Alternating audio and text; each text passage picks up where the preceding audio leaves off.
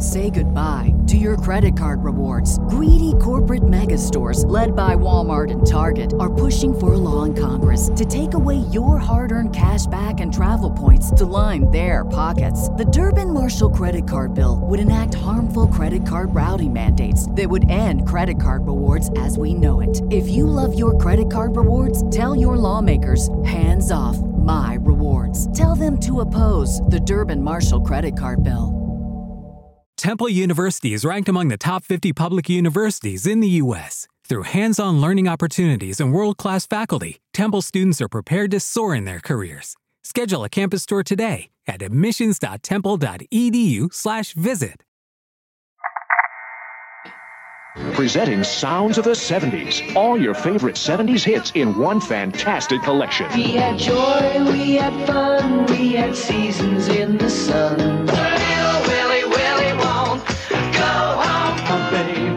Get Sounds of the 70s for just $9.99 on compact disc or double length cassette. That's 22 fabulous hits. Woke up and took me by the hand. We made love in my Chevy van, and that's alright with me.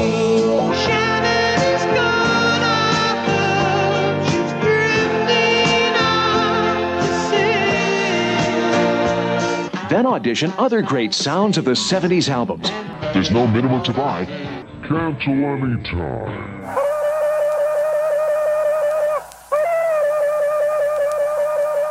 If by any chance you would make a mistake to try to come in and take any one of us, we will not let you. You will die. You will have to take anybody over all of our dead bodies. Love is the only weapon. Martin Luther King died with love. Kennedy died talking about something you couldn't even understand, some kind of generalized love, and he never even backed it up. He shut down. Bruce, love is the only weapon with which I got to fight. I got a hell of a lot of weapons to fight.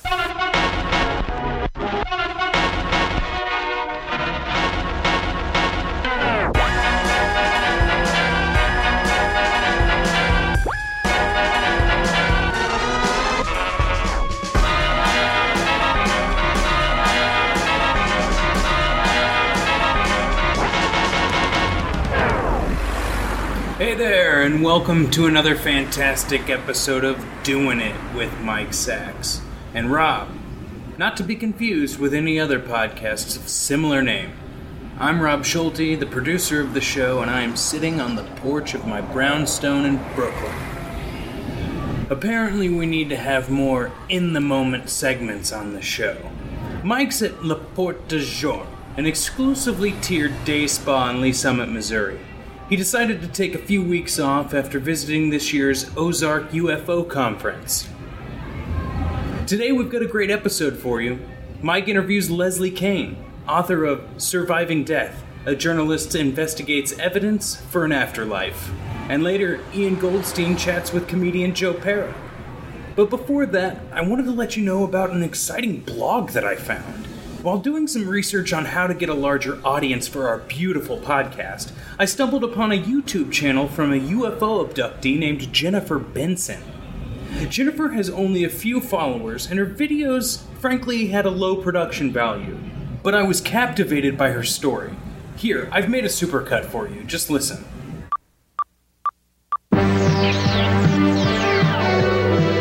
Hey, it's Jen. Let's get right to it. As you all know, I've been abducted at least once a week for the past 20 odd years, and yet I can never remember the process being so ridiculously aggravating. Last night, aliens awoke me as usual at 3 a.m. They were all standing around the bed, fine, so far so good, but then things spiraled totally out of control. It took more than five hours to be processed and taken aboard the craft against my will. Lead alien looked totally overwhelmed and frazzled. Can't blame her, it's not her fault. She's just an alien underling. But five hours? Craft was jam packed with other abductees, all looking just as miserable. Another prisoner was sitting in my assigned seat, which was filthy with some kind of crumbs.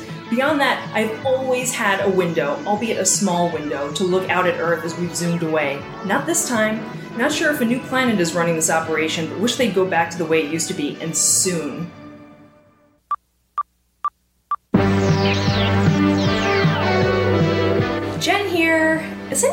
Nostalgic for the days of getting anally probed without having to fill out a million insurance forms? Without proving that you've no allergies to this mysterious intergalactic alloy? Without the alien nurse having to call her superiors back on the home planet to get the go ahead? Without lying nude for hours, cold and shivering, waiting for the other alien doctor to finish with all his other probes so that he could find the time for you? I could have just as easily chosen my own gastroenterologist, the very capable and much more convenient Dr. Epstein, for the rectal probe. Then again, he doesn't accept Aetna and the aliens do. Frustrating!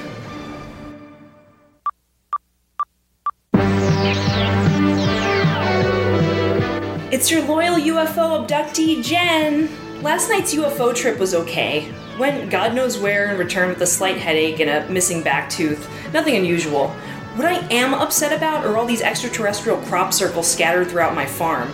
Sorry, did I say circles? I meant ugly, haphazard ovals. When I lodged a formal complaint, a portly alien showed up in a dented UFO and told me that the circles looked just fine to him, but that he would try to come back the next day between the hours of 10 and 6, and could I make a point of being home. He added that he could make no promises as several crop circle projects needed to be completed around the world. Fat ET never did return. And, making matters worse, the implant that the space bozo embedded in my brain, totally against my will, has since conked down. Second time this month. It's now impossible to reach this creature, telepathically or otherwise. What in the world happened to celestial workmanship? Bye bye intergalactic quality.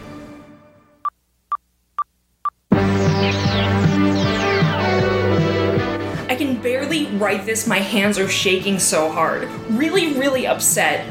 Obviously, I'm definitely not the high maintenance type who complains about the baffling gelatinous food that the aliens feed you during an abduction, or the tedium of the walking autopsy you have to endure.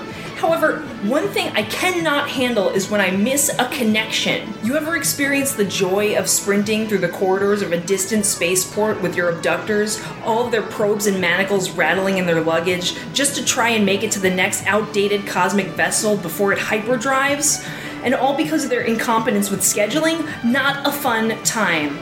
I was supposed to meet a girlfriend for an early dinner. That did not happen. Exasperating.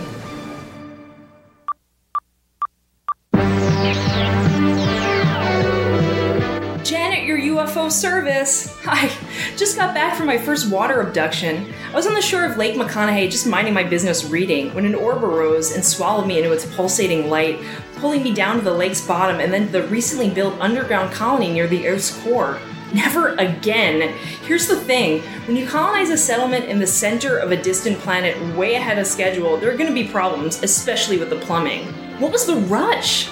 There were days when the entire subterranean base turned into a sloshing sewer. My captors couldn't begin to understand why I was complaining so much. Here's a hint maybe it was because I was the only one down there with a nose? Also, is there not one alien who understands English? Maybe they didn't hear me. While I did enjoy having my consciousness reconstructed so that I'm now witness to the formation and destruction of the universe and all of time as if it were one contained event, I wouldn't do this again, or at least until they get all the kinks worked out.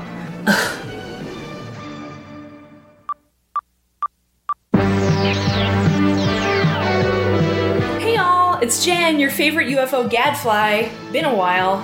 Anyway, I'd absolutely love to discuss my last abduction, but it never happened.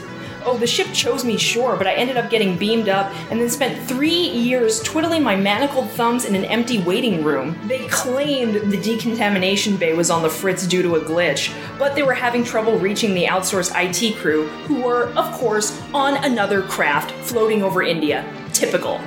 Ultimately, they dropped me back on an empty country road and canceled my abduction. Had to explain to my husband where I was for the past few years. I'm gonna sound negative, but all these aliens care about now is procedure and protocol. Am I wrong? I remember a time when their number one priority was affectionately draining my blood and replacing it with a secretive foamy substance that made me shake and levitate. That doesn't happen anymore. The universe is going downhill big time. Believe it. Until next week. In my Chevy van, and that's alright with me. Next up, Mike talks with Leslie Kean, author of UFOs Generals, Pilots, and Government Officials Go on the Record, and more recently, Surviving Death A Journalist Investigates Evidence for an Afterlife. Mike and Leslie spoke by phone. What I like about your work is, and you've said this about these near death experiences that you're not a believer so much as you are someone who just recognizes that there is actual serious data and there's a physical phenomena that exists here. I think that's a great way to approach it as a journalist.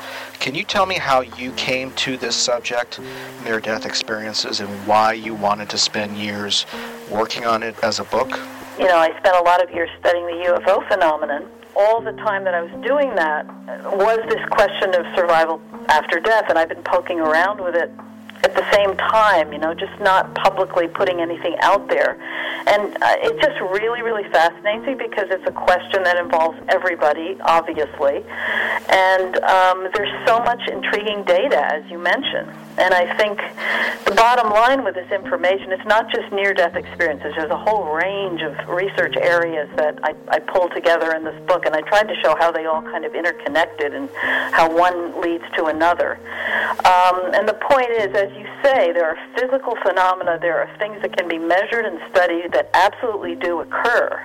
And these things are even denied by scientists, even though they're documented. And the next step beyond the documentation of the physical phenomena, which are fascinating in themselves, is simply the interpretation of them. And I think that's the part that's up for discussion. There are different ways that these things can be interpreted, and whether and they certainly don't prove that we survive death, but they're very suggestive of that. And I think everyone has to make up their own minds how they're going to deal with the information. But the information is solid, documented, and I would say proven. Really, we have proved that there are phenomena that can't be explained. Near-death experiences are a little on the more subjective side, but they're experiences that people have all over the world that have a lot of similarities in which they they are basically dead. They have no brain activity, no heartbeat, and they experience a heightened state of consciousness in which they enter some kind of alternate reality that they interpret to be the afterlife. And when they come back, they are transformed and have no fear of death anymore. I mean, that's that's one that I think most people know the most about. But I'm very interested in other phenomena such as those generated by physical mediumship, which I think most people feel are probably fraudulent. But I discovered that that's not the case, that there are genuine physical mediums, that there have been in the past that have been thoroughly, thoroughly studied under controlled conditions. And there are some now that can, where you can witness absolutely extraordinary things occurring children, young children that have accurate memories, what they say are memories of a previous life. And they come up with very, very specific memories that have a profound emotional effect on them. They're, the memories are recorded before anything is understood about them. So they're written down or they're recorded on video. And eventually, investigators are able to locate a person that fits the description of the child that the child gave, find the family members, and find records of that person's life. And it is shown that these memories are absolutely accurate. And it's very hard to explain that in any other way. Can you talk about Ryan Hammons and who he felt he was before he was born?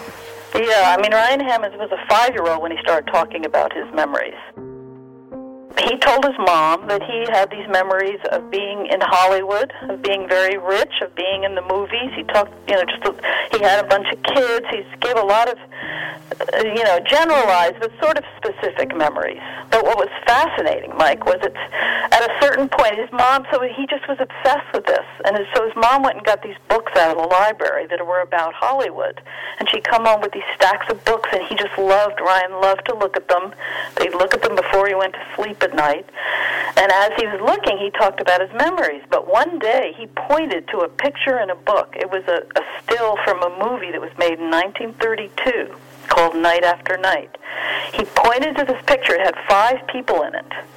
Pointed to one of them and said, Mommy, you found me. That's me. That's me and that's George. And we did a picture together the incredible thing about this case was that they had a photograph of somebody. Now, this person he pointed to was an extra in a movie. There, he had no lines in this movie. And so nobody could figure out who he was. There was nothing on the internet to explain who he was. The actor he pointed to and said was George was George Raft. And Ryan gave his mom a lot of details about the movie without seeing it, such as that there was a closet full of guns in that movie. And Ryan said he remembered being there when they brought all these guns in to fill up this closet. And eventually, um, Cindy, his mom, and her husband looked at the movie. Indeed, there it was, a closet full of guns.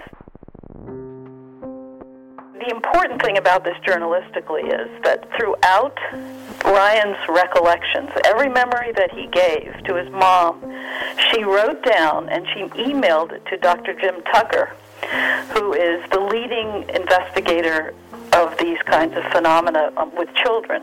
He succeeded Ian Stevenson, the very famous investigator from the University of Virginia, who spent decades investigating these cases. And so Jim Tucker was receiving these written statements from Ryan's mom with all the data in it before anything was known about who the possible person was. And that's a very important component of this because nobody can say that, well, when they figured it out, they kind of added information or they created a sense that, you know, Ryan or exaggerated his memories or anything. They were all recorded. And eventually, Jim Tucker uh, brought in a production team. They had to hire a, a professional to go into the archives in Los Angeles, spent a long time looking for the files on this movie. Eventually, they found it and they were able to identify the name of the, the man who was in the picture because they found a second picture of him with his name on the back. And so from there, they did this investigation. His name was Marty Martin. And it turned out that there were 55 memories that Ryan had provided which were accurate to the life of that person. The parents weren't doing this for publicity, they weren't doing it for money. In fact, the child, Ryan, in a lot of sense, he remembered it to such a degree that he was unhappy with his current situation. Yes, he would cry at night about missing his family. He wanted to know what happened to his kids. You know, where is his wife? Sometimes he even talked kind of like an adult, and it was almost like he sometimes wasn't clear about when he was Marty and when he was Ryan. I mean, and this is somewhat unusual for him. This was Marty Martin, an actor who even the Hollywood experts had trouble figuring out his name and his background and his information. Right. I mean, there was absolutely nothing on the internet at the time about this person. He was listed as a one of the people in the movie in the credits, but his mom assumed that that wasn't Marty Martin because the guy in the movie had no lines. So she thought, well, he's just some extra. He's not even listed in the credits. So she was completely baffled. I mean, there, yeah, there's absolutely no way that this couple who lived in Oklahoma in a small town and and were very upset about what was going on that they could have created this situation or hoaxed it in any way. I mean, it's a devastating thing for a family when this happens. They weren't getting any sleep. Brian was up all night crying, having nightmares. I mean, he was having nightmares know. about a, a mean senator that he. Mean, Senator, isn't that a What child has a nightmare about that? It's so strange. Very strange. He talked about this Senator. Uh, he said it was Senator Ives, Senator Five. He called him, and Senator Five was a really mean man. And he said Marty Mart. When he was Marty, he knew this man, and he he even pointed to a map for his mom and said that his mom that he went to New York. He said that's where Senator Ives is, and he pointed to New York on a map. He actually called him Senator Five, but eventually, um, when they identified Marty Martin, they were able to figure out that Ryan had been talking about Senator Five, uh, Senator Ives, who was a senator in New York State, and Jim Tucker thought that the Five and Ives were close enough. But yes, what children dream about a, someone they called a senator? Well, what did happen I mean- with Senator Ives? Well, I mean, we, I don't know that. You know, I tried to find out that too, Mike. I tried to find out more about, you know, I tried to find records that Senator Ives had some kind of criminal background or something. I even hired an archivist at the Cornell University Archival Records, which is where all Senator Ives records are. And I mean, it would have taken a lot more time to do more, but she couldn't find anything suggesting it, it for the minimal search that she did. I'd like to, you know, any kind of criminal record or nastiness in him. So, I, the producers for the film that they made about Ryan when they found the original person when they identified Marty Martin, apparently had found some information that showed that Ives had these you know, sort of negative sides to him, but they couldn't provide any documentation for me. So that's sort of a mystery. I mean, maybe there was something in the personal relationship between Marty Martin and Senator Ives that, that was problematic, and we'll just never know. You talked about James. How do you, how do you pronounce his last name? James Leininger? Leininger, yeah. He had a connection to a previous life as a World War II pilot. The memories that he was remembering, whether it was firing from the plane or friends dying, uh, this is um, for, at age two. This started. Yeah, I mean that's what's so incredible about the James Leininger case. I think is the, how young he was. I mean, he was just learning to talk when he started talking about these li- this past life, and his memories were very, very specific. So it's sort of they were a little more like he had names. He had a full name of his friend, for instance, Jack Larsen. He had his memories were overall more specific than than Ryan. So it in some senses, you don't need as many if they're very specific because it's easier to identify the person. But James was incredible. He was so little. I mean, he was in diapers. And he would have these recurring nightmares about crashing in a plane on fire, you know, and he'd repeat them over. I mean, sometimes five times a week, these horrific nightmares where he was absolutely terrorized in his little crib in his diapers. And eventually he was able to talk about the, the uh, nightmare, and he said it, you know, he was basically dreaming about dying in his previous life. And he was able to talk about the name of his friend. He said that he was in a plane that took off from the Natoma, which was a aircraft carrier, and a whole bunch of other very specific things. And eventually, his dad worked on that case for years and was able to finally find out who the person was. But again, it was very important in that case that there was a written record, that things were recorded that the child said before they had any idea who the previous person was. Now, I remember growing up where Shirley MacLaine was talking about past lives, and she was mocked outwardly. Well, I think there's a difference because I think, you know, the kind of cases that most people talk about are like, oh, some adult person goes to a regression therapist, say, and has some memories. But there's no way to know if they were actually true or not. And what's what's important about these cases, and this is why I focus on them, is that number one, you're dealing with very, very young children who have not been influenced in any way, and number two, their memories are actually able to be verified to the life of one specific person. And so I think the Shirley MacLaine kind of cases were not in that category at all, so they weren't really evidential. But these are. So that's another component of it, is the fact that there's no way these children could know this information, whereas with an adult, it's a whole different situation. I used to read a lot of books growing up about UFOs, not so much near death experience. We can get into the UFOs later, but your approach as a journalist is listen, I don't know whether this is true, I don't know whether it's not true, but I do know that these facts are out there, and I'm going to tell you what the facts are. Whether it exists or not, I don't know, which is really the opposite of a lot of these books where it's almost like a thesis where they're trying to prove to you through personal experience and stories that this happened. But yours is very straight down the middle. This is just, this is what happened, this is what I'm reporting on. Right. I mean, I'm not saying this isn't real or this isn't true. I'm saying these facts are true. These phenomena actually exist. And what's, what's up for grabs is the interpretation of them. So with, the, with UFOs, we have a documented phenomenon, and I will say the phenomenon is real. That's, as far as I'm concerned, there's proof of that. But are they extraterrestrial? You know, are they where are they coming from? Why are they here? None of that do we know. And the problem is that the people, most being a journalist, that's where I stop. But most people who are interested in UFOs will make all these interpretations of it as if they were facts. We don't we don't know what UFOs are, but we know there's something going on. Same with the the afterlife data. I mean, there's so much interesting suggestive data of this reality, but we can't prove it. But we can prove that the phenomenon and all uh, is real. That the various phenomena that take place in all these different areas of study are real. I think it's the only approach one can really take that's honest and accurate, and people have to decide for themselves how they want to interpret it. The question is whether it's being generated by a deceased person, which is what the mediums will tell you, and which it often feels like to the person there. But they could also be explained as, as a product of a very refined and advanced telepathy and clairvoyance on the part of the medium, as an example to use mediumship. So if that were the case, then there would be no deceased people involved. And I would think a you know an atheist would probably interpret the information as being psychic rather than having anything to do with the afterlife. But they have to be willing to acknowledge that those psychic abilities exist.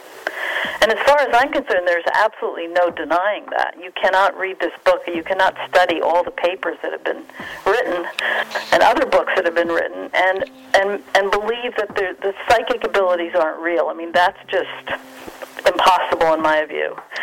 So they have to be at least willing to accept that. But there's there's definitely an argument that can be made that everything can be explained that way, and therefore there's no reason to believe in any kind of spirituality or afterlife or anything else. What I find interesting is there's been books written by doctors explaining from their standpoint how they cannot come to grips with the fact that they've witnessed near death experiences with the, either themselves or with patients, and that there's no way to scientifically prove that these can be induced. Medical doctors wouldn't be wasting their time studying this if it could just be written off as some physical thing or hallucinations or something like that. It just can't. And I think the chapter that in my book, you know, I've invited 10 people, other people to write chapters for it. And I think the chapter by Dr. Pim van Lommel, who's a cardiologist in the Netherlands and one of the leading, most brilliant investigators in the world on these near-death experiences, I think his chapter really addresses a lot of those questions that have been raised about could it be this, could it be that, could it be this. Part of the problem too is, is that you have books written by people who it later has, has come out that they were making it up, such as books about entering heaven and then returning back to earth. You know, I personally have an issue with all these books out there that use the word heaven in the title. You just mentioned heaven. I mean, to me, heaven is a, is a religious human invented concept and for people to even look at it that way. They, you know, it's it's their own personal interpretation of an experience where they put the word heaven on it to sort of appeal to the Christian community. But there's no mention of the word heaven when you're looking at data. You know, what I'm trying to do is get to the real most important evidential information that's that's data oriented rather than personal anecdotes and things like that. Right, which is what you did with your 2011 book on UFOs, which I want to talk about now. And that was really the first book I read where I thought this is a serious study on UFOs. This is something where you went out and interviewed pilots, military officials, those with a very high standing across the board say, I saw something to this day, I don't know what it is, but this is what I saw. Yep, and and, and I don't think most people understand the the high level of documentation that there is on this phenomenon. I mean, many, many U.S. government documents fully establish the reality of the phenomenon. It's just, there, yeah, there is lots of fascinating data, and I've got you know five generals who contributed to that book. Uh, so you have to be willing to deal with that data and again, the pro- the issue is not so much the, the reality of the actual phenomena that come up in all these cases. It's how you interpret them. What do they mean? What is this thing? What are UFOs?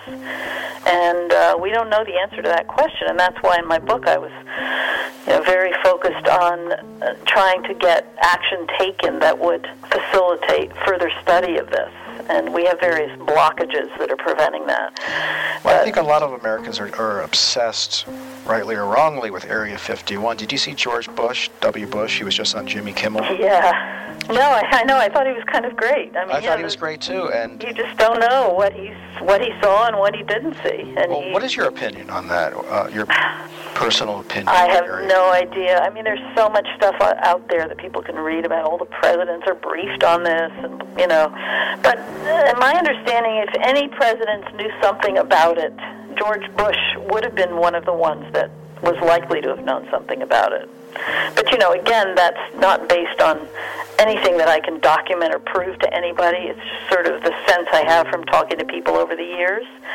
Uh, but you know, there's no way to know. I mean, that's that's the problem. That's one reason why I wanted to write this book because there's so much that people who are interested in UFOs just claim to be true that we have absolutely no idea whether it's true or not. And this is the kind of thing like the you know the presidents all get briefed on this.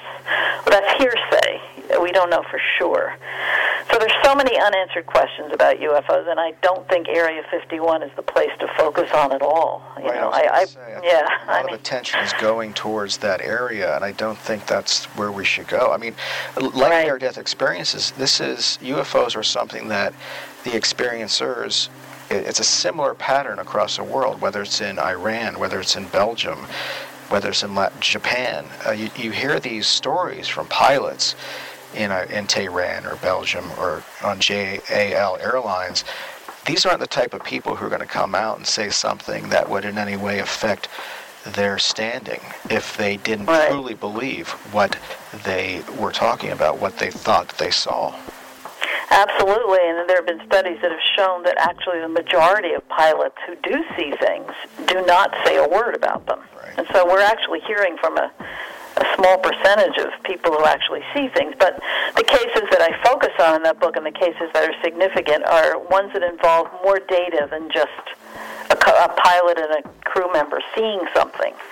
Know, the cases that are important involve the voice tapes, talking, reporting them to ground control, but most importantly, radar accompanying the sightings so that you can correlate the, the physical reports of what the p- pilots are seeing with their eyes to actual radar data that captures the images.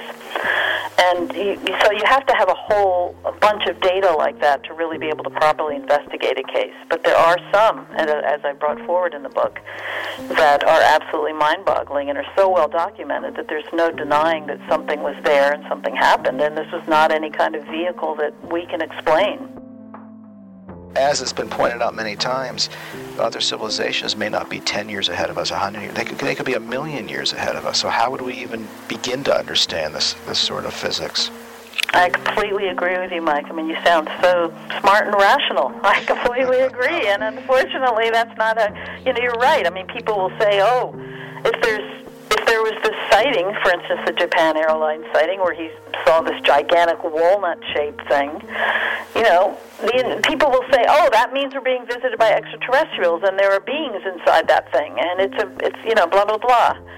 You're right. We don't know. All we know is the data that we have, and they could have been. All these things could be drones, or who knows what, visitors from other dimensions, whatever. But I do think you're right that if you imagine a civilization that's maybe a million years ahead of us, what might they be capable of? I think if the scientific community around the world suddenly woke up and said, "My God, this is the, one of the most pressing scientific problems on the planet. Let's focus on it," and started to put you know millions of dollars into building whatever equipment they needed, they might be able to document and learn something about the phenomenon of UFOs. We need to change. We need to shift our attitude about it. But yeah, until that happens, we're stuck. I don't think we're ever going to learn anything more about it than we already know because there's so much documentation available already. Who was it, Alexander Haig, who believed in UFOs? There are plenty of people. I mean, Hillary Clinton mm-hmm. was certainly an advocate for at least further investigation. I mean, it's not so much a question of whether you believe in them, it's a question of whether you recognize that there's some unsolved physicality to them. And it's a, it's a scientific question. It's a curiosity. It's a mystery. Why don't we want to find out more about it just like we do with everything else? Well, that Yeah, was it's a rumor. completely irrational. That was a rumor with Hillary. If she had been elected, that she was going to investigate. that was one of the many reasons I was disappointed that she didn't become president. Uh, Me too. And you know, as I as you may know, I've worked with John Podesta for many years, who was her campaign manager. He wrote the foreword to my book. He's very interested in this topic, and he was but together. I'm sure they would have taken some steps if she had been elected. Have these books changed you, more specifically the, the most recent book, Surviving Death? Has this changed your outlook on life, your philosophy? I would say yes because when I, unlike the UFOs, which I'd studied for so long, when I took on the, you know, the the book, decided to do this book on survival after death, I was really in a skeptical position and I didn't know that much about it. I mean, I knew enough to be intrigued and I knew enough to, to realize that there's a lot of really fascinating information out there, but I kind of went on a journey with it myself of not knowing where it would come out at the end. And so, yeah, it was a transformative process. I mean, I had, I never thought that the kind of information that I uncovered, both through research, but even more so through my own personal engagement with it, that that information would lead me to the just the amazing conclusion. I mean, I, I can't even draw a conclusion as to what it means, but I didn't expect that there would be that much incredible, you know, valid, factual information that is so mind-boggling and so mysterious and so suggestive. So it did transform me in that way because it opened me up to the more to the mystery of the world we live in that we we can't explain what reality is because there's so much that happens that currently we don't even as a culture as an oh, you know the authorities aren't really really willing to even accept that these things happen and so when you see something yourself that you, you you see it happen and you have the scientists telling you it doesn't happen because it can't happen you know what are you supposed to do that and that's you know I discovered a lot of things like that. So yes, it definitely expanded my perceptions in a big way. Uh, and and the personal journey that I went on with this material was was absolutely transformative for me because it opened me up to the possibility of something much bigger than our current reality and to the possibility that we do survive death. I mean, I, I believe that the the data and the experiences that people can have are very suggestive of that. And that's a wonderful thing as far as I'm concerned. Well, unless you come back as a kid who remembers being a, an actor. I mean, that, that's exactly. That's so yeah. horrifying. Is that t- to me he seems stuck in, in, in a in a type of hell where. As with the near-death experience, there was a freedom, and it, you were going towards the light. But this poor kid was haunted. Right. Uh, it's true, and the, the, the, the, you know the only saving grace we have to these kids who remember these things is that normally by about the age of six or seven they forget the memories and they move on and live a normal life, and especially when the cases are resolved for them, and that sometimes the child will return to the previous house that they lived in, they will meet the previous family, and they'll have a sort of inner resolution about the whole thing, and they then they tend to become 100% present and it's all behind them. So it's not something that stays with them. But you're absolutely right. It's traumatizing for the families and for the children.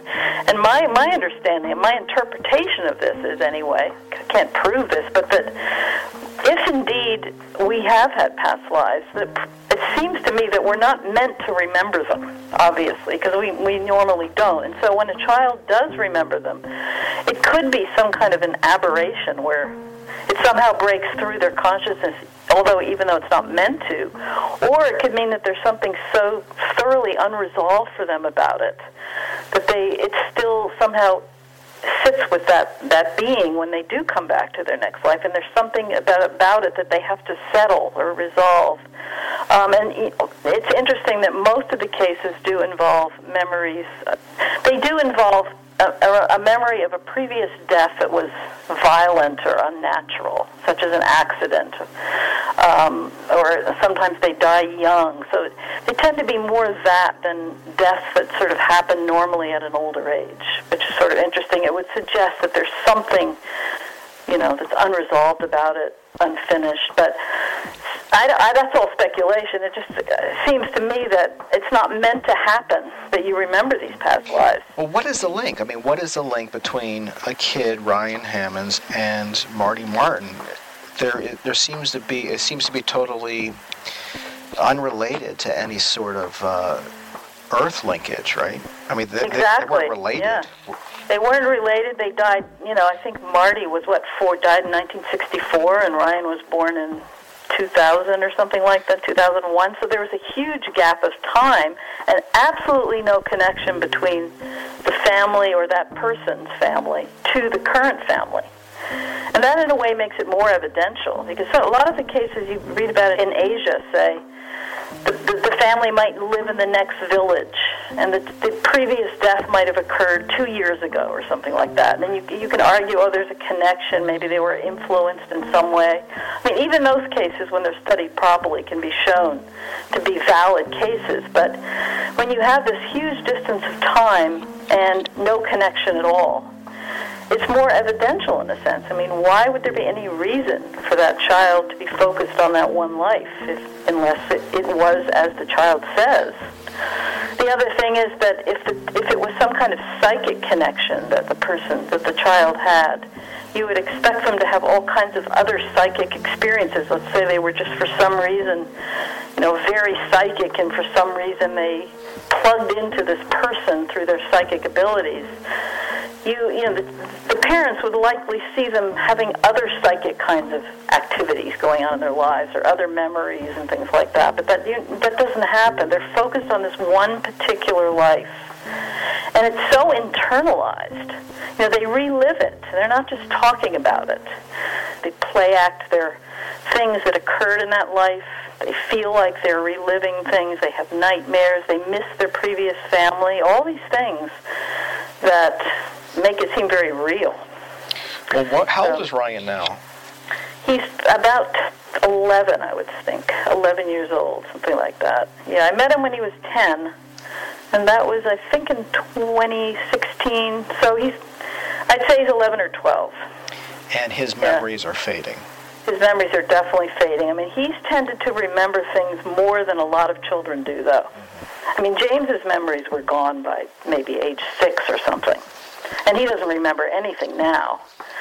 But Ryan's still connected to some of the memories, but he's basically living a normal life. He's a well-adjusted kid, you know, normal kid, and doesn't focus on it very much, and that's good. I guess if you do, you go insane. I mean, that's it's time to live this life. Exactly, and especially as you get older, you know, you just don't want this. And, and it's very rare that a child doesn't just move on from it. I mean, it's generally what happens. They move on six, seven years old. Once they go to school, they start becoming more active with their friends. You know, they have an outside life. Uh, the memories just go. Leslie Kean. terrific book, Surviving Death A Journalist Investigates Evidence for an Afterlife. Terrific work. I'm a big fan of your writing, and I'll spread the good word. Thank you so much. so kind of you, Mike. I really look forward to it. And, you know, I'm also still learning a lot about this topic. I mean, I have all these things I still want to read, and, you know, it's, it's not sort of closed for me at all.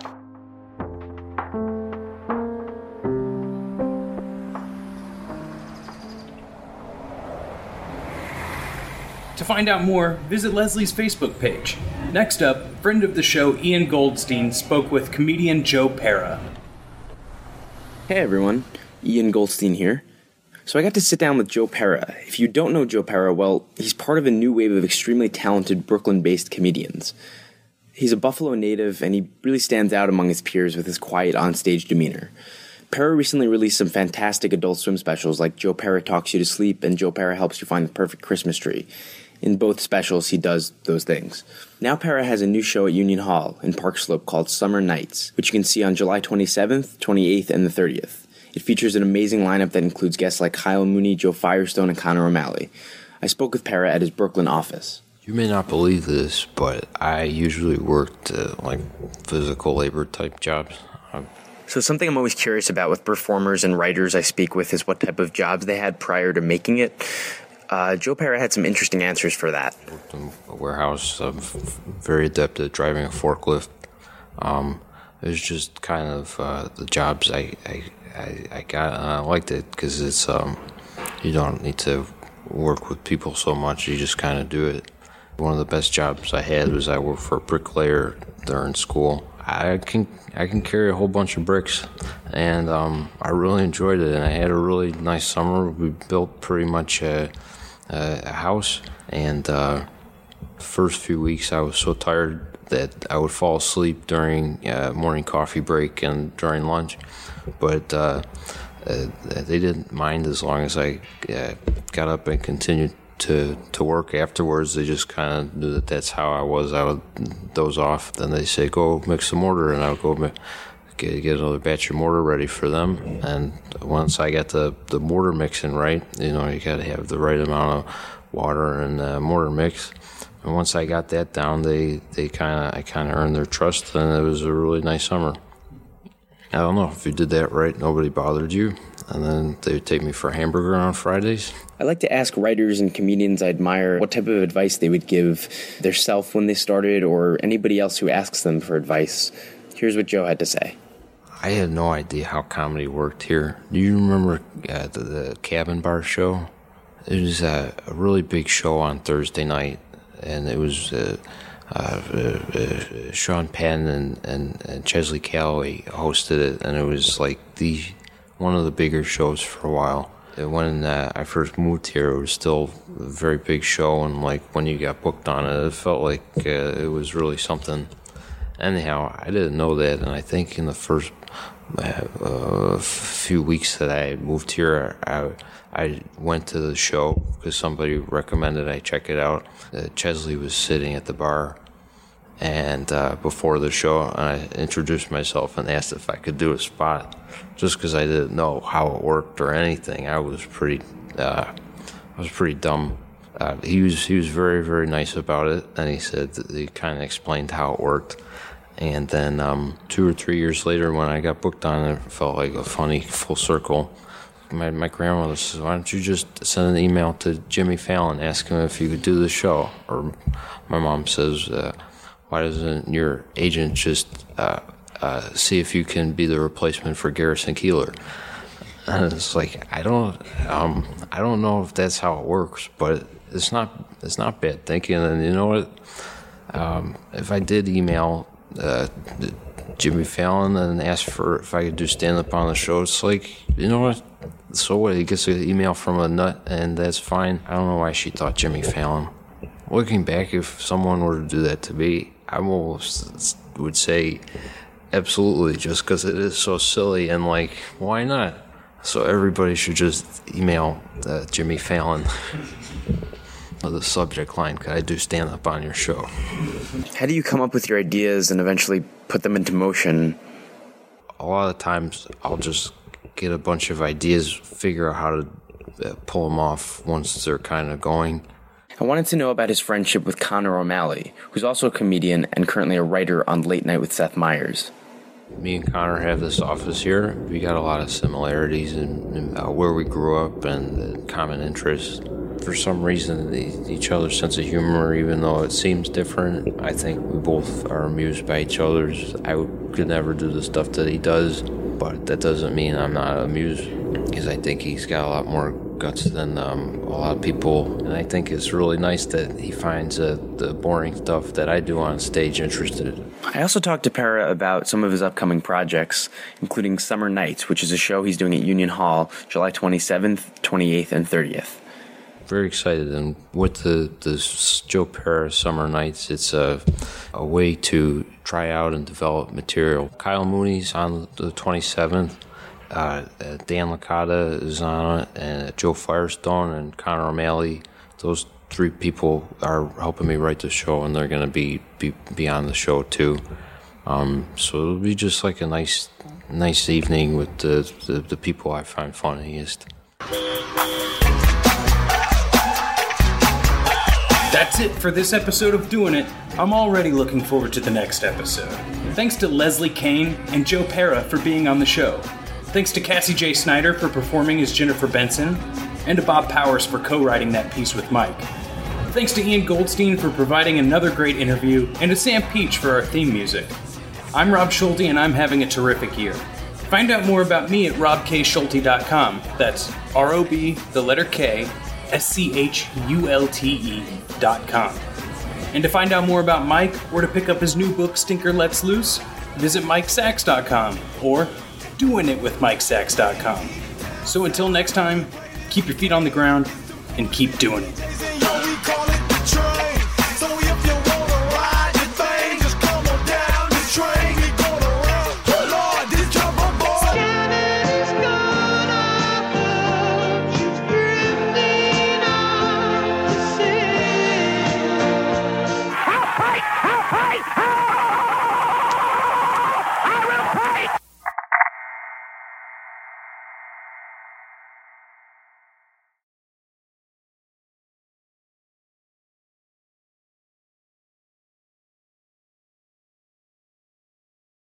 Say goodbye to your credit card rewards. Greedy corporate mega stores, led by Walmart and Target, are pushing for a law in Congress to take away your hard earned cash back and travel points to line their pockets. The Durbin Marshall credit card bill would enact harmful credit card routing mandates that would end credit card rewards as we know it. If you love your credit card rewards, tell your lawmakers hands off my rewards. Tell them to oppose the Durbin Marshall credit card bill.